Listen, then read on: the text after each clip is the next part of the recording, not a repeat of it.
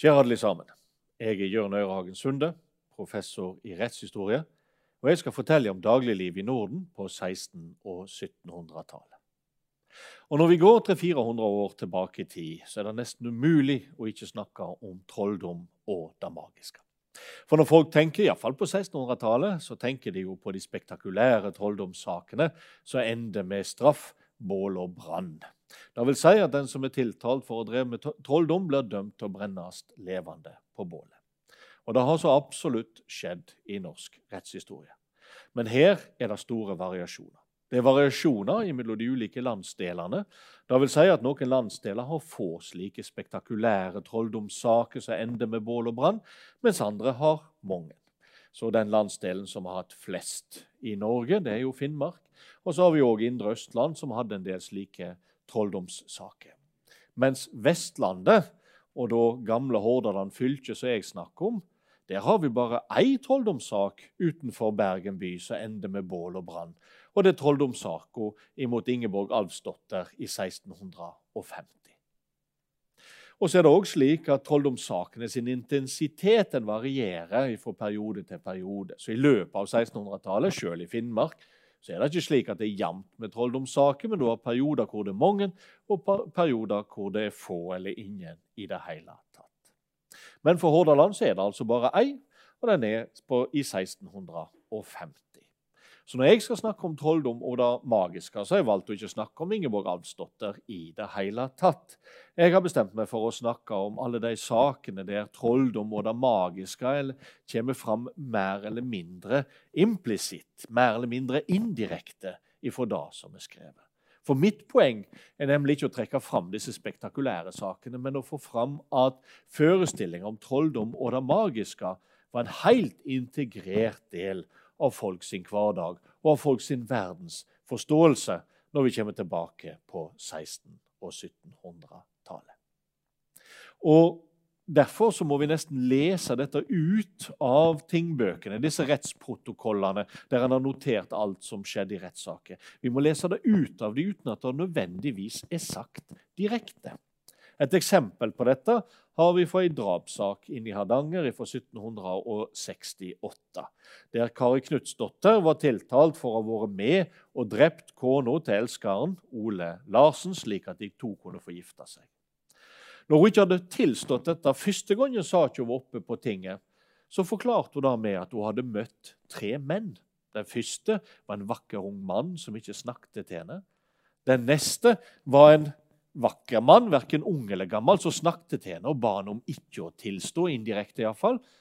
Og sistemann var en ny, vakker ung mann med rød hue og gult hår, som òg indirekte ba henne om ikke å tilstå. Sånn at eh, Her er det tre figurer. Jeg tror ikke de er et bilde på Satan. De er nok bare underjordiske. Og det er de underjordiske òg, som ifølge hennes forklaring nærmest som i en drøm transporterende til drapsstaden, der hun bidrar til altså å ta livet av kona til elskeren Ole Larsen, og tilbake igjen til der hun bor. Så her ser vi hvordan hun ikke sier at dette er noe magisk. Hun bruker ikke ordet troll eller trolldom i det hele tatt. Men det er en del av fortellinga. Tror tydeligvis på det sjøl. Enda mer interessant er det at eh, det blir ikke stilt spørsmål ved det. Snarere er det slik at aktor i saka syns at vitnemålet er sannferdig, i tillegg til at han påpeker at det snart er jul, og så sier han ikke noe mer. Og Hvorfor sier han at det snart er jul? Jo, fordi jula er jo en magisk tid. Det er da åsgårdsreia er ute osv.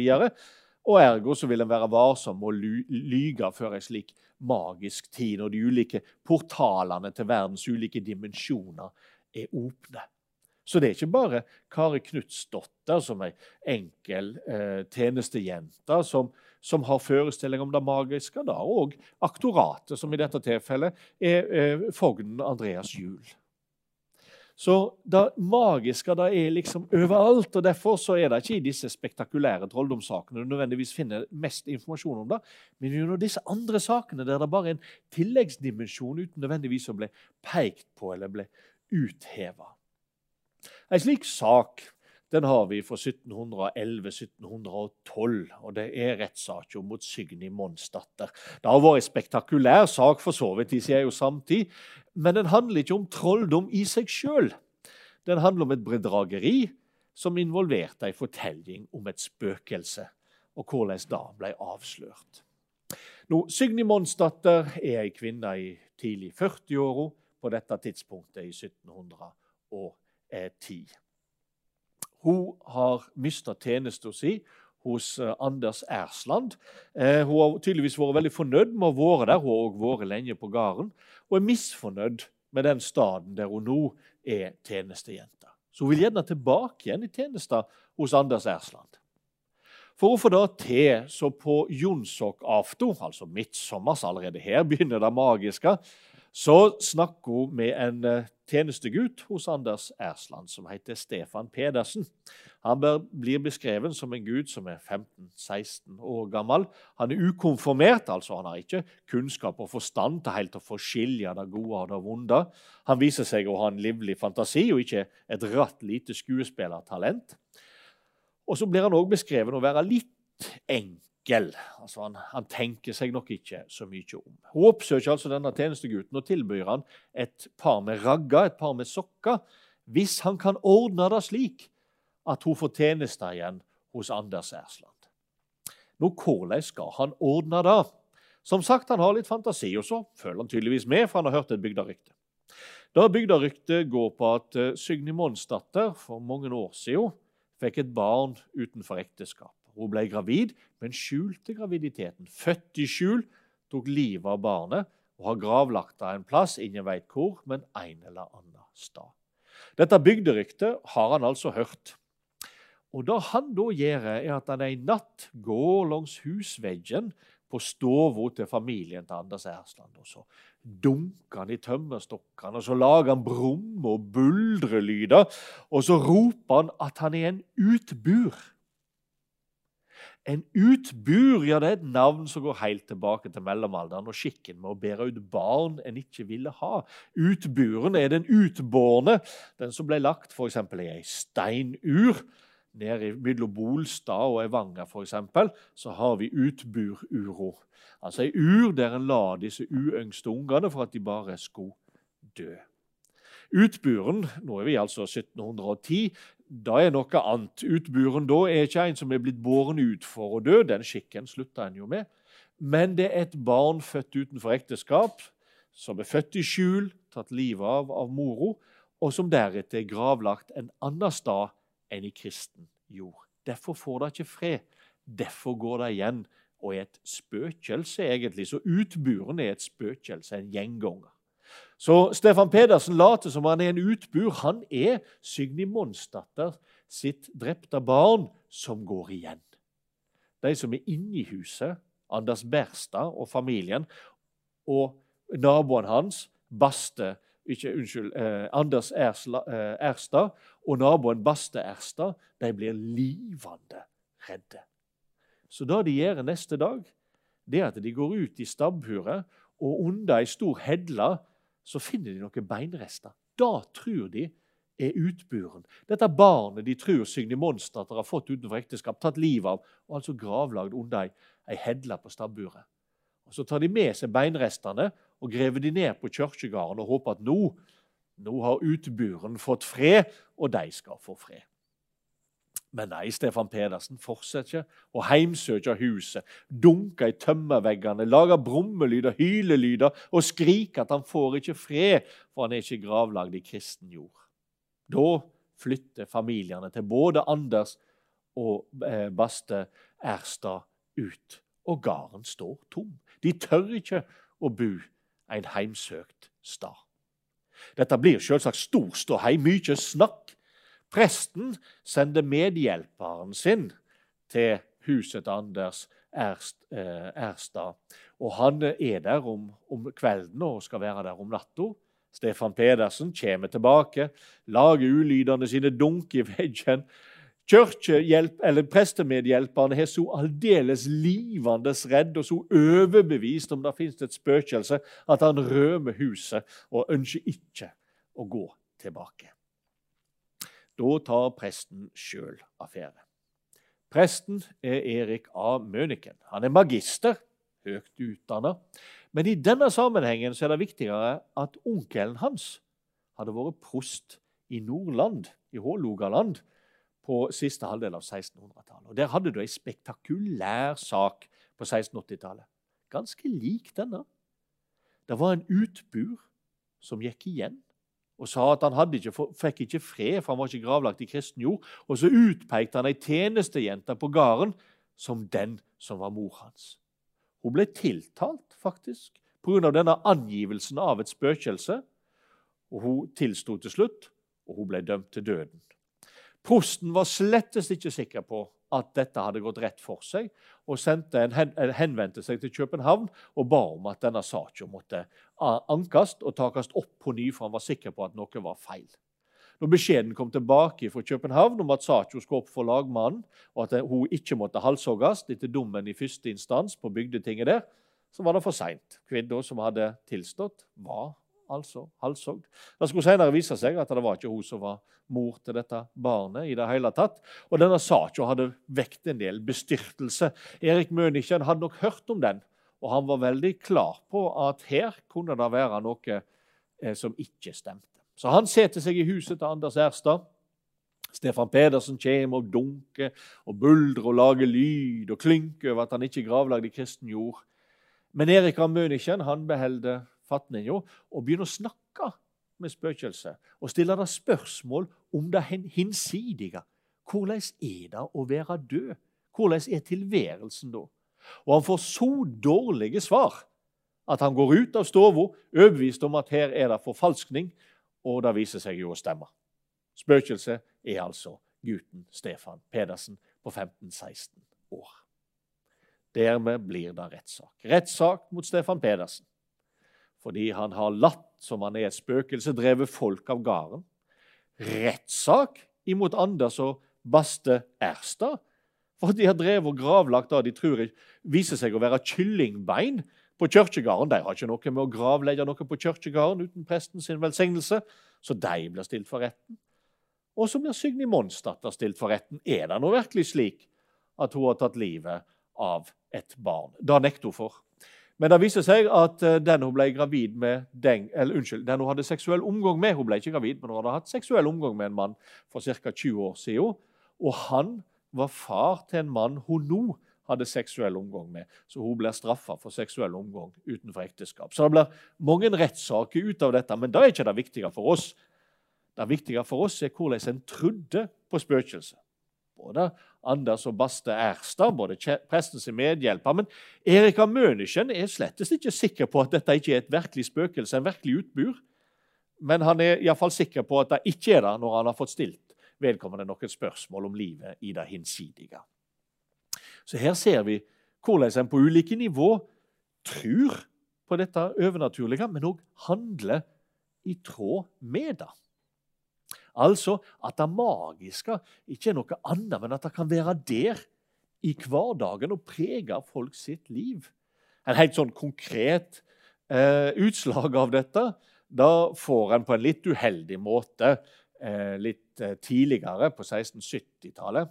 Da er det en som heter Bjørn Sagmester, som bestemmer seg for å skremme litt en av de som jobber på saga hans, Sverke Sagdreng en sånn sagdreng det er ofte en som er en husmann som bor i en elveos der det ligger ei sak som, ikke, som er, hører til samfunnets bunnskikk. Sverke er blitt bedt av Bjørn, eh, sagmester, om å være på jobb på kvelden etter det er mørkt. Så han er på saga for å ordne noe for Bjørn. Bjørn sagmester har da gjemt seg bak noen tømmerstokker og begynner å rope med djup røst til Sverke sagdreng og han framstiller seg sjøl som et troll. Sverke blir så redd at han setter ifra seg øksa i en tømmerstokk og rød med saga. Grunnen til at det blir en rettssak, er at Bjørn Sagmester ligger bak den tømmerstokken der Sverke setter øksa. Ikke nok med det, han holder seg fast i tømmerstokken, så når Sverke setter ifra seg øksa, så helt uforvarent kommer han til å hogge to fingre av Bjørn Sagmester. Det er derfor det blir en rettssak. Bjørn Sagmester krever erstatning, men retten bare finner ut at han var jo sjøl skyldig i det som, som, skjedde, så da tapet får han bære sjøl. Men han framstilte seg altså som et troll. Og det er litt viktig. For én ting er at vi møter trolldom i, i tingbøkene, men vi møter òg trollet. trollet som en figur. Trollet møter vi òg i mellomalderlovgivning. Det er f.eks. For et forbud mot å vekke opp troll, og det er et forbud mot å gjøre seg om til et troll. Men hva er et troll? Vel, Vi kjenner de jo fra Asbjørnsen og Moe sine norske folkeeventyr. Det er disse litt store, litt dumme, litt godslige, klumpete figurene. Men det er ikke sånn i alle eventyr. Og det trollet vi møter i tingbøkene, er ikke slik. Det er ikke godslig. Det er derimot et umenneske. Det er et farlig, stort vesen. Og Vi møter det òg i andre anledninger, f.eks. i Beowulf, det, epis, det store episke arbeidet fra, fra, tidlig mellomalder, møter vi mor og sønn som er troll, nemlig disse farlige umenneskene. Og Vi møter det i den samiske folkediktninga. Stallofiguren er også et slikt farlig umenneske som hører naturen til, men kan gripe inn og gjøre skade i mennesket sin verden. Det er da trollet Bjørn Sagmester pretenderer å være. Og det er farlig. Det er farlig for folk. Og at folk trodde på troll, altså dette, denne typen figurer, da får vi òg vite fra ei anna sak. Den er fra 1705. Det er ei veldig trist sak fra, fra Tysnes. Det er ei tjenestejente som heter Ingrid Larsdatter, som er i tjeneste på gården Drange. og Der bor det en sersjant. Hun og sersjanten sin sønn eh, har seksuell omgang med hverandre, og hun blir gravid. Kona til sersjanten blir fortvila. Hun mener at Ingrid Larsdatter er på ingen måte god nok for familien. Og hun vil heller ikke at sønnen skal bli påført den typen skam det er å måtte stå åpenbart skrifte, stå framfor hele kirkelyden etter at barnet er født, og bekjenne den store synden har gjort seg skyldig. Så hun vil for all del at dette skal bli dyssa ned.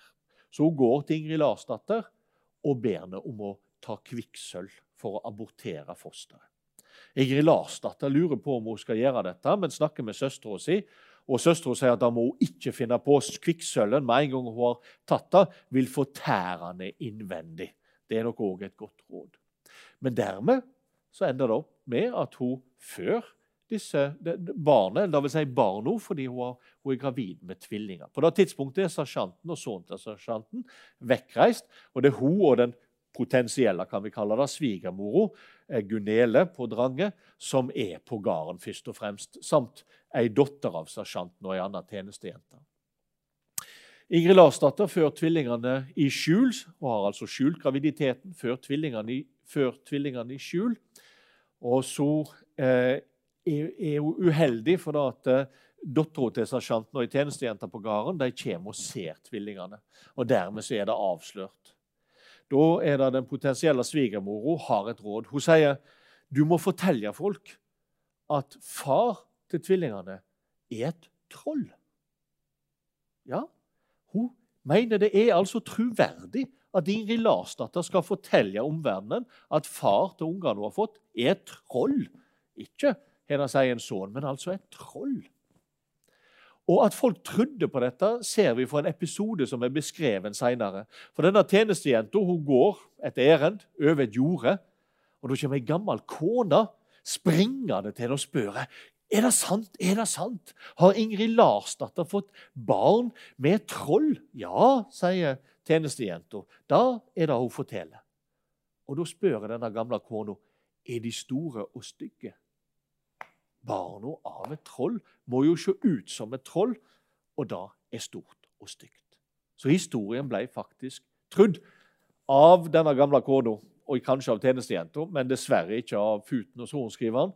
Og Ingrid Larsdatter blir dømt til døden og henretta for eh, disse barna som hun har fått utenfor ekteskap, og som skal dø. Derfor, siden hun var født i skjul og de er døde, så blir hun henretta. Så Det er en tragisk historie, men det interessante for oss er altså dette med at en tror på disse trollene. At det, disse forestillingene er helt virkelige. De kunne en gjøre butikk på. Og En ganske sånn oppsiktsvekkende sak har vi fra 1769-1770. Det er to involverte her. Den ene er Ole Kleven. Det er han som egentlig er skurken. Og så har vi Anders Halland. Han er litt enkel mann som eh, i lag med Ole Kleven finner en veldig grei måte å tjene penger på. Ole Kleven er tilreisende. Anders Halland er fra området. Og Anders Halland han eh, går til naboene og så spør han ja, hvor går det med deg. da? Hvor er det med buskapen? Hvor er det med avlingene? Og Du kommer ikke langt i en samtale med en bonde før et eller annet er gale. Dompappen har spist alle plommene, eh, sauene dør på båsen. En eller annen elendighet er det alltid på en gard. Og ingen visste hva som var årsaken til elendigheten. Det eneste en visste, var at det var ikke Gud som hadde sendt han. Dette blir gjentatt i et par av sakene. Anders Halland sier da at tja, det kan ikke være at dette skyldes trolldom. Jo, gårdbrukeren var slett ikke framand for den tanken. Ja, Da visste Anders Halland om en som kunne befri en fra den type trolldom. Og så henta han da kompanjongen sin, Ole Kleven. Ole Kleven ville da gå inn i f.eks. fjøset. Og så ville han romstere og si besvergelser. og Så ville han komme ut etter ei stund med det han sa han hadde funnet under gulvet. Typisk litt hår eller rødt klede eller negler eller et eller annet som de mente kunne knyttes til at noen hadde kasta trolldom for eksempel, over buskapen. Og Så tar han på seg mot betaling å befri bonden for denne trolldommen. Og Da gjør de ikke bare på én gard. De tjener etter hvert over 20 riksdaler på dette skuespillet sitt. Og Husk nå, altså seks riksdaler det er omtrent årslønn til en tjenestegud. Så 20 riksdaler det er bra betalt da for å drive med eksorsisme av denne typen. Men så blir de avslørt. Det er nemlig en bonde som er misfornøyd med eksorsismen fordi det viser seg at smalene hans, sauene hans, de fortsetter å dø på uforklarlig vis. Da kan, være, da kan de ikke ha gjort god nok jobb. Og slik blir dette en rettssak. Men for sorenskriveren er det ikke snakk om at en skal betale tilbake pengene som en har eh, fått for å drive med trolldomsutdrivelse. Her er det snakk om forfalskneri. Disse to som har gitt seg ut for å identifisere og drive ut trolldommer. Det viser seg jo at alt er bare skuespill. De har dikta opp, de har hatt med seg disse neglene, disse hår og disse, dette røde kledet inn, og kanskje dyrebein har de òg noen tilfeller, inn i floren. Og så, tar de det, og, og, så de har sjøl skapt den trolldommen som de skal drive ut. Men her ser dere altså hvordan folk trodde på trolldom og var villige til å betale for at trolldommen skulle drives ut, slik at de ikke lenger skulle utsettes for denne eh, typen vanskjebne. Men da ser en jo òg hvorfor folk trodde på trolldom. De trengte en forklaring. Hvorfor døde sauene? Hvorfor eh, ja, mista en avlinger? De måtte jo ha en forklaring, og da satt en ikke med ulike vitenskapelige teorier og forklaringer og data som gjorde mulig at en kunne finne ut av. Og da blir trolldom svaret. En annen ting som en ofte skylda på trolldom, for eksempel, var at kyrne slutta å melke. Vi har et eksempel på det litt tidligere, på 1760-tallet. Da er det ei jente som heter Anne Jacobsdatter, som forteller at hun har sett at nabokonene Kari, Signy og Mari, alle tre, kommer inn i floren om kvelden. Og Så går de opp og så seter de seg på en bjelke og så gjør de seg om til tre svarte katter som går ned i floren og drikker melka av kyrne, slik at de ikke har noe melk igjen som bonden sjøl kan melke. Anne Jacobsdatter har altså fortalt dette til, til, til stemora si. Stemora er så sikker på at dette er sant at hun forteller til alle og hver mann. Og disse tre konene, da, Kari, Signy og Mari, de saksøker denne kona for at hun forteller at de driver med trolldom. Og Da kommer det altså opp at denne stemora har det, for seg jo stedatter, Anne Jacobsdatter. Og Anne Jacobsdatter blir formana av sorenskriveren om å trekke tilbake den type løgner som fører til nabokonflikt. Men Anne Jacobsdatter hun er helt overbevist om at dette er sant. Stemora trekker tilbake det hun har sagt, og ber om unnskyldning. Men ikke Anne Jacobsdatter. Hun blir trua med ris offentlig om hun ikke trekker tilbake historien om de tre svarte kattene. Men nei! Dette har hun sett. Og Det er et av de utfordringene vi står overfor. Ja, en kan forklare, bruke trolldom til å forklare ting. F.eks. sånn som Anders Halland og Ole Kleven utnytta når bønder har vært ute for et, en eller annen vanskjebne. Men det som er interessant er også når vi møter trolldom i kjeldene på 1600- og 1700-tallet, så er det ikke bare historier en forteller. Det er da en har sitt. Anne Jakobsdatter holder fast ved at hun har sett de tre konene gjøre seg om til tre svarte katter. Og for da blir hun dømt til å rises offentlig. Men hun holder altså fast ved det. Så dette er en, et forklaringsmiddel på mangt og mye, og det er, for de det gjelder, delvis tufta på empiri. Og En forklarer altså mye forskjellig med trolldom.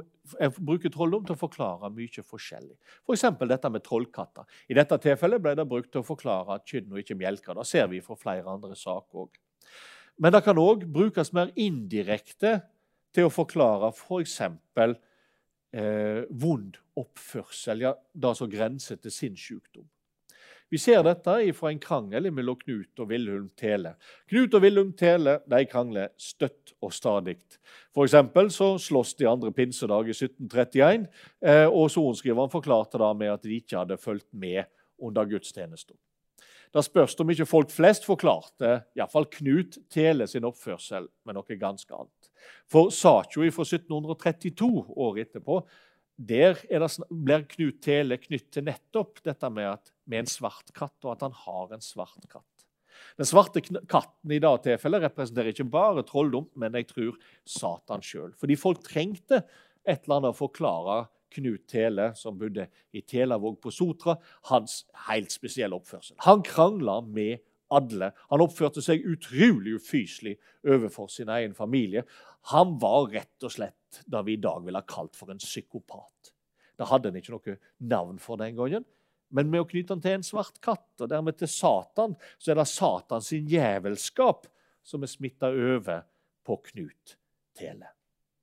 Dette med å, å, å, å forklare deres form for sinnssykdom med trolldom, da finner vi òg ifra andre saker. Vi har en sak fra Hardanger fra 1722, der det er ei kvinne som heter Brita Eriksdatter, som er tydelig psykisk syk. Eh, gang på gang så forsøker hun å ta livet sitt. Og, og mange av disse, disse, situasjonene der hun opptrer som en, en syk person, kan knyttes til at hun har vært alene i skogen. Og På ett tilfelle så sier hun sjøl òg at skogen er full av troll og djevler troll. Da snakker vi ikke altså om folk som driver med trolldom, men dette umennesket, mens djevler jo er, er, de som tjener Satan.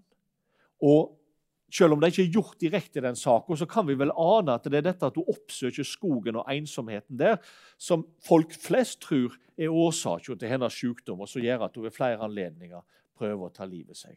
For der ute i skogen, der ute i da, da, da, da skumle, det mystiske, fins det altså djevler og troll. Men det kan også altså brukes til å forklare vondskaper. Og, Knut Tele framstår nok for folk som en vond person. Det er få som tør å, å, si det, fordi han er en farlig person òg. Eh, men det blir sagt et tilfelle, i, et tilfelle av en ung mann i 1754 at han rett og slett er vond, og at folk er livende redde. Dette må knytte trolldom, Satan, svarte katter osv. til til vondskap, da har vi et ekstremt tilfelle av 1740 og 1750. Dette ekstreme tilfellet er Jørgen Skinner. Skinner er et tilnavn. Jeg lurer på om det betyr at han flår dyr. Han er, tilhører iallfall da samfunnssjiktet, altså landstrykerne. De bruker en til å flå dyr. Døde dyr er nemlig òg et totalt tabu. Det er en del av folks si, si magiske forestilling.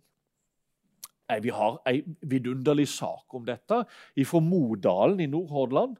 I dette tilfellet så er det ei, kvinne som blir saksøkt, altså ei tjenestejente som blir saksøkt av en tjenestegutt fordi hun sier at han har skutt en hund og sparka den døde hunden av veien. Jeg trodde når jeg begynte å lese saken, at det handla om at han hadde skutt noen andre sin hund. Men det viser seg at det er slettes ikke derfor denne tjenestegutten saksøker tjenestejenta for det hun har sagt. Det han er bekymra for, at det skal spre seg et rykte om at han har sparka en død hund av veien. Fordi da å ta i et dødt dyr, det er tabu. Det er det landstrykerne som gjør, ikke ærlige folk, som han sjøl mente at han var. Et ekstremutslag av dette har vi fra Uskedalen midt på, på 1700-tallet. og den, Uskedalen nevner jeg spesielt ved navn, siden jeg selv er født og oppvoksen i Uskedalen. og Dette hendte ikke så langt ifra der jeg er født og oppvoksen. Da var det en som heter Abel Haugland, som skyter en hund. og Den hunden, når han er blitt død, ramler ned i elva. Og så han, hekter han seg fast fordi det er lite vassføring i elva. Det er rett og slett tørke. Og da at det ligger en død hund oppi elva, gjør jo at de lenger nede vanskelig kan bruke det som drikkevann, for de er infisert av den døde hunden. Den hund, døde hunden blir liggende der hele den sommeren, i hele tørkeperioden, og folk lider, for de kan ikke hente vann av elva til å drikke. Men ingen tar den døde hunden ut av elva. For de kan ikke røre et dødt dyr. Og det er ingen landstrykere i området som kan gjøre jobben for dem. Det er altså landstrykerne som behandler døde dyr. Det er òg de som flår døde dyr. Jørgen Skinner er en landstryker. Kanskje har han fått tilnavnet sitt fordi han er en av de som flår døde dyr. Men det er ikke derfor det er rettssak mot han. Landstrykerne var uærlige folk. De får lov til å flå døde dyr. de. Rettssaken skyldes noe helt annet. Jørgen Skinner er en mann som er skuld i mange drap. Hvor mange vet vi ikke, for litt av problemet i denne saken er at han tilstår under tortur. Det har sannsynligvis stått en strekkbenk. Da finner vi iallfall at folk tror i kjelleren på Bergen hus, altså der Håkonshallen i dag ligger. Og Jørgen Skinner, Vi vet ikke om han ble lagt på en strekkbenk, men vi vet han ble torturert, og at han tilsto under tortur. Men det han tilstår, er interessant. Han tilstår at han driver med tjuveri. Det er det flere som gjør. Men for å hindre at folk forføler han etter han har vært og stålet, så bl.a. tenner han fyr på flere hus.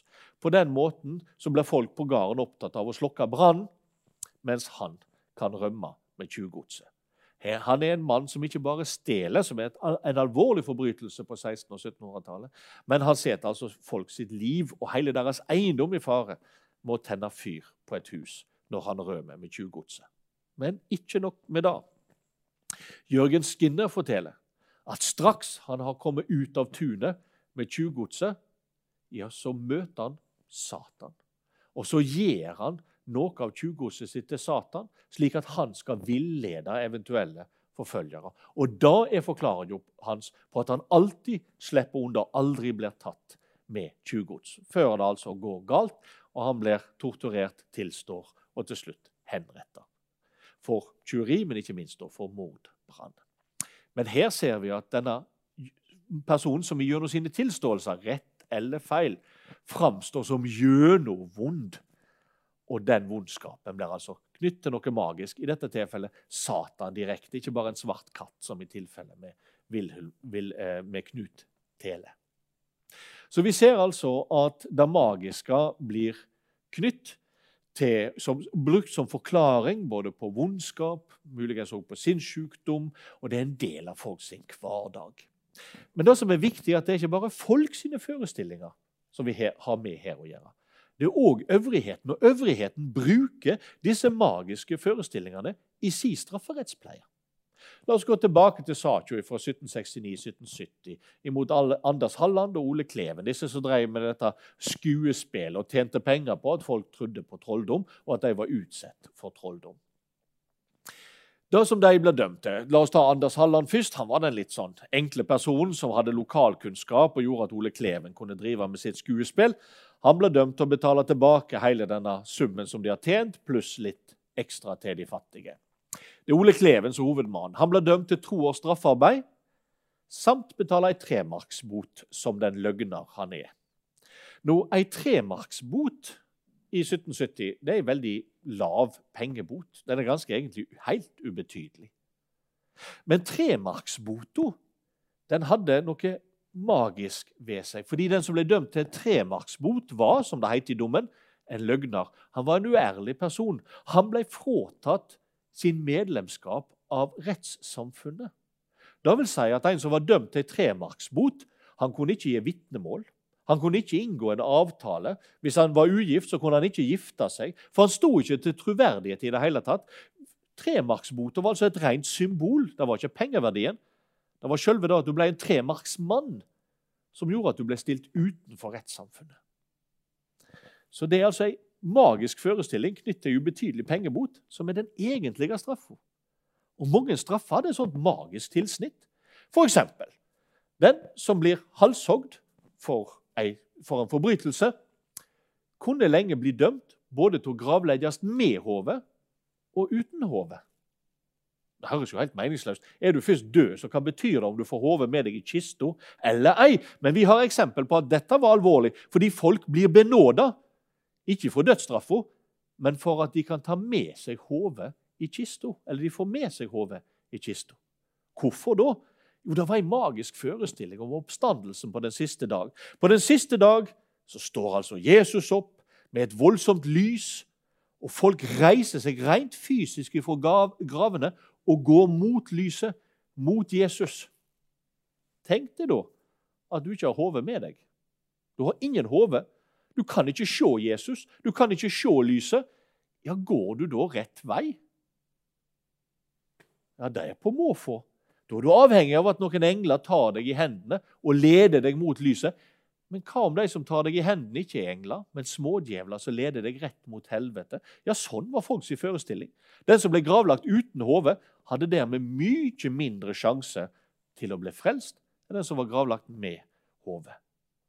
Og Derfor var det òg en gravla folk utenfor kirkegården, for de fikk altså ikke noen sjanse til å bli frelst. Selvmordere fikk ikke gravlegges på, på, på, på kirkegården. De som hadde gjort seg skuld i rovmord og fikk hode og hånd kutta av, kroppen partert og lagt på et hjul, og så beina, når alt kjøttet hadde forsvunnet, ble bare kasta i ure i ei myr eller ut på, på sjøen. Ja, De hadde jo ingen sjanse til å bli frelst. Så med straffene kom det altså magiske forestillinger, og dette er det myndighetene som spiller på. Så magiske forestillinger fantes ikke bare blant folk, men det fantes like mye hos myndighetene. Men ikke nok med det. Magiske forestillinger er ikke, er ikke bare et element i hverdagen. Men folk strukturerte hele verdenen sin rundt dette. La meg gi dere et veldig morsomt eksempel. Nå er vi tilbake på 1730-tallet. Vi er på Osterøy. Det er bryllup. Og i et bryllup så var det en spelemann. Han rei på en hest ved siden av bruraparet. Og så var det en skytte som gikk bak og skjøt i lukta. Bare da hadde en skyldes en magisk forestilling. Med å skyte i lufta så skremmer du vekk de, de vonde. Derfor var det òg at en gikk ut på, på julaften klokka fem, når kirkeklokkene ringer jula inn. Så går husbonden ut og skyter på tunet for å skremme vekk alle de vonde øh, kreftene som er ute på sjølve julaften. Så skytten var der. Og en skytter kjenner dere alle, fordi i Bruraferden i Hardanger, dette kjente maleriet, så står det jo en skytter fremst i båten og skyter. Det var altså for å, for å skremme vekk vonde krefter. Så Vi har altså et brurafølge med spelemann og skytte. Spelemann og skytte de har krangla kvelden før, ikke på Osterøy, der bryllupet skjer, men på en gard inn forbi på gården Romslo. Fordi skytten vil vite hva rett har spelemannen til å spille i bryllupet? Og det er et godt spørsmål, for han har ingen rett. Det var nemlig slik at i, i hele gamle Hordaland, Søndre Bergenhus amt, så var det statsmusikanten i Bergen som hadde rett til å spille i alle uh, anledninger, inkludert alle bryllup. Det kunne han jo selvsagt ikke gjøre, men han tjente penger på den retten. fordi spelemenn måtte da betale en avgift til statsmusikanten for å få lov til å spille i et bryllup. Derfor er det påfallende ofte at eh, spelemenn som har spilt i bryllup, sier at nei da, de var ikke bedt om å spille i bryllupet, men de kom tilfeldigvis gående forbi en gard der det var et bryllup, og så hadde de tilfeldigvis med seg fela i en kasse, og så ble de tilfeldigvis spurt om de ikke ville spille, og tilfeldigvis hadde de tid til det, og så spilte de, og så fikk de vel litt mat og drikke som eh, betaling, men ikke noe mer enn det. Altså ei løgn fra komme under dette at du egentlig skulle betale en avgift til statsmusikanten i Bergen. Og Denne spillemannen som skulle spille dette bryllupet, han hadde ikke betalt noe avgift til statsmusikanten. Han hadde ikke noe rett til å spille i bryllupet, slik Skytten påpeker. Han gjorde det likevel. Men altså, kvelden før hadde det vært en krangel mellom skytte og spelemann. Og hva skjer på selve bryllupsdagen? Jo, spelemann rir altså på sida av brurafølget, skytten går bak. Men på et tidspunkt så senker han geværet, og så trykker han av. og så treffer han spelemannen under øra, eller bak øret, slik at han detter av hesten. Om han overlever, det får vi aldri vite. Men det som blir fortalt, er at geværet går ned, skytten trekker av. Han som går på sida av skytten, sier da Nå skjøt du eh, spelemannen vår. Gjorde jeg da? sier skytten. Ja, da gjorde du. Og så treffer kula. Da er ikke mulig. Da måtte den kula gått fryktelig seint for at de skulle få tid for Skytnes nede med spelemannen òg, at de skal få tid til å si nå skjøt du spelemannen vår. Gjorde jeg det? Ja, det gjorde du. Det, det lar seg ikke gjøre. Så hvorfor får du en sånn samtale som ingen stiller spørsmål ved? Ikke Futen, som er aktor i saka. Ikke sorenskriveren.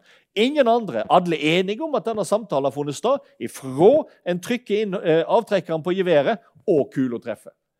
Vel, det er fordi en er overbevist om at skytten er uskyldig. Trass den illevarslende krangelen kvelden før, så har han ikke meint å, å skyte spelemannen. Og den samtalen beviser, når han sier 'gjorde jeg da', ja, det gjorde du, så indikerer han at det var ikke meninga hans å treffe spelemannen. Og den type konstruerte utsegn knyttet til en hendelse som beviser intensjonen bak hendelsen, er ikke uvanlig. Vi finner det òg i selvmordssaker der noen har skutt seg sjøl. Vi har f.eks. et tilfelle fra gården Buksnes på Husnes i Kvinnherad kommune, der en mann skyter seg sjøl, og alle hører at avtrekkeren, skuddet går av, og deretter hører de noen si 'oi'. Og Det finner vi i flere selvmordssaker, at folk sier 'oi' for på den måten å indikere overraskelse. Det var altså ikke intendert. Ergo blir de ikke dømt som selvmorder. Ergo blir de begravd på kirkegården og får en sjanse til å stå opp den siste dag og møte Vår Herre. Den typen konstruksjon er veldig interessant, fordi det er ingen som spør om dette er empirisk mulig. En er bare enige om at dette er sant, dette er rett, skytten er ikke skyldig. Det var ikke et selvmord. Og Dermed så tillater den typen samtale eh, foregå i folks bevissthet som faktisk ikke er mulig. Og ingen stiller spørsmål ved det. Og Vi kan se dette på mange måter. Når en skal konstruere om noe er sant, for eksempel, så er det påfallende ofte at ting skjer tre ganger. En stiller et spørsmål tre ganger. F.eks. Kari Knutsdatter, som møter altså tre menn. Først en vakker ung mann, så en mann som er vakker, men ikke har noe verken ung eller gammel, og så en ny vakker ung mann med rød hue og gult hår. Hun møter tre personer før noe skjer. Når noe skjer tre ganger, og det skjer påfallende ofte, så er den altså en indikasjon på at noe er sant. Og noe annet som vi finner påfallende ofte, det er jo at hvis du mener at noen har rett, så kan du huske at de har påkalt Gud. Og mener du at noen er vond, så kan du huske at de har påkalt Satan. Kari Knutsdatter, som altså er med å drepe til, kona til elskeren sin, hun eh, holder hendene til kona mens han kvelner og hun, når kona kjemper imot, så setter hun kneet på brystet hennes. Og når hun allikevel greier å rive seg løs, så sier hun 'fanden ta meg'. Altså Hun inngår en avtale med Satan, og da greier de det. Sa hun egentlig det? Det veit jeg ikke. For det gjennomgående kan finne i tingbøkene, er at de som er skyldige, de påkaller Satan. De som er uskyldige, de har påkalla Gud. Sånn at eh, her ser vi hvordan disse magiske forestillingene ikke er noe utenpå klistra. Det er ikke episoder som skjer. Det er bare hele verdenen. Det er det som avgjør om noe er sant eller ei. Så det magiske det var en helt integrert del av hverdagen til folk, akkurat som det religiøse var på 1600- og 1700-tallet.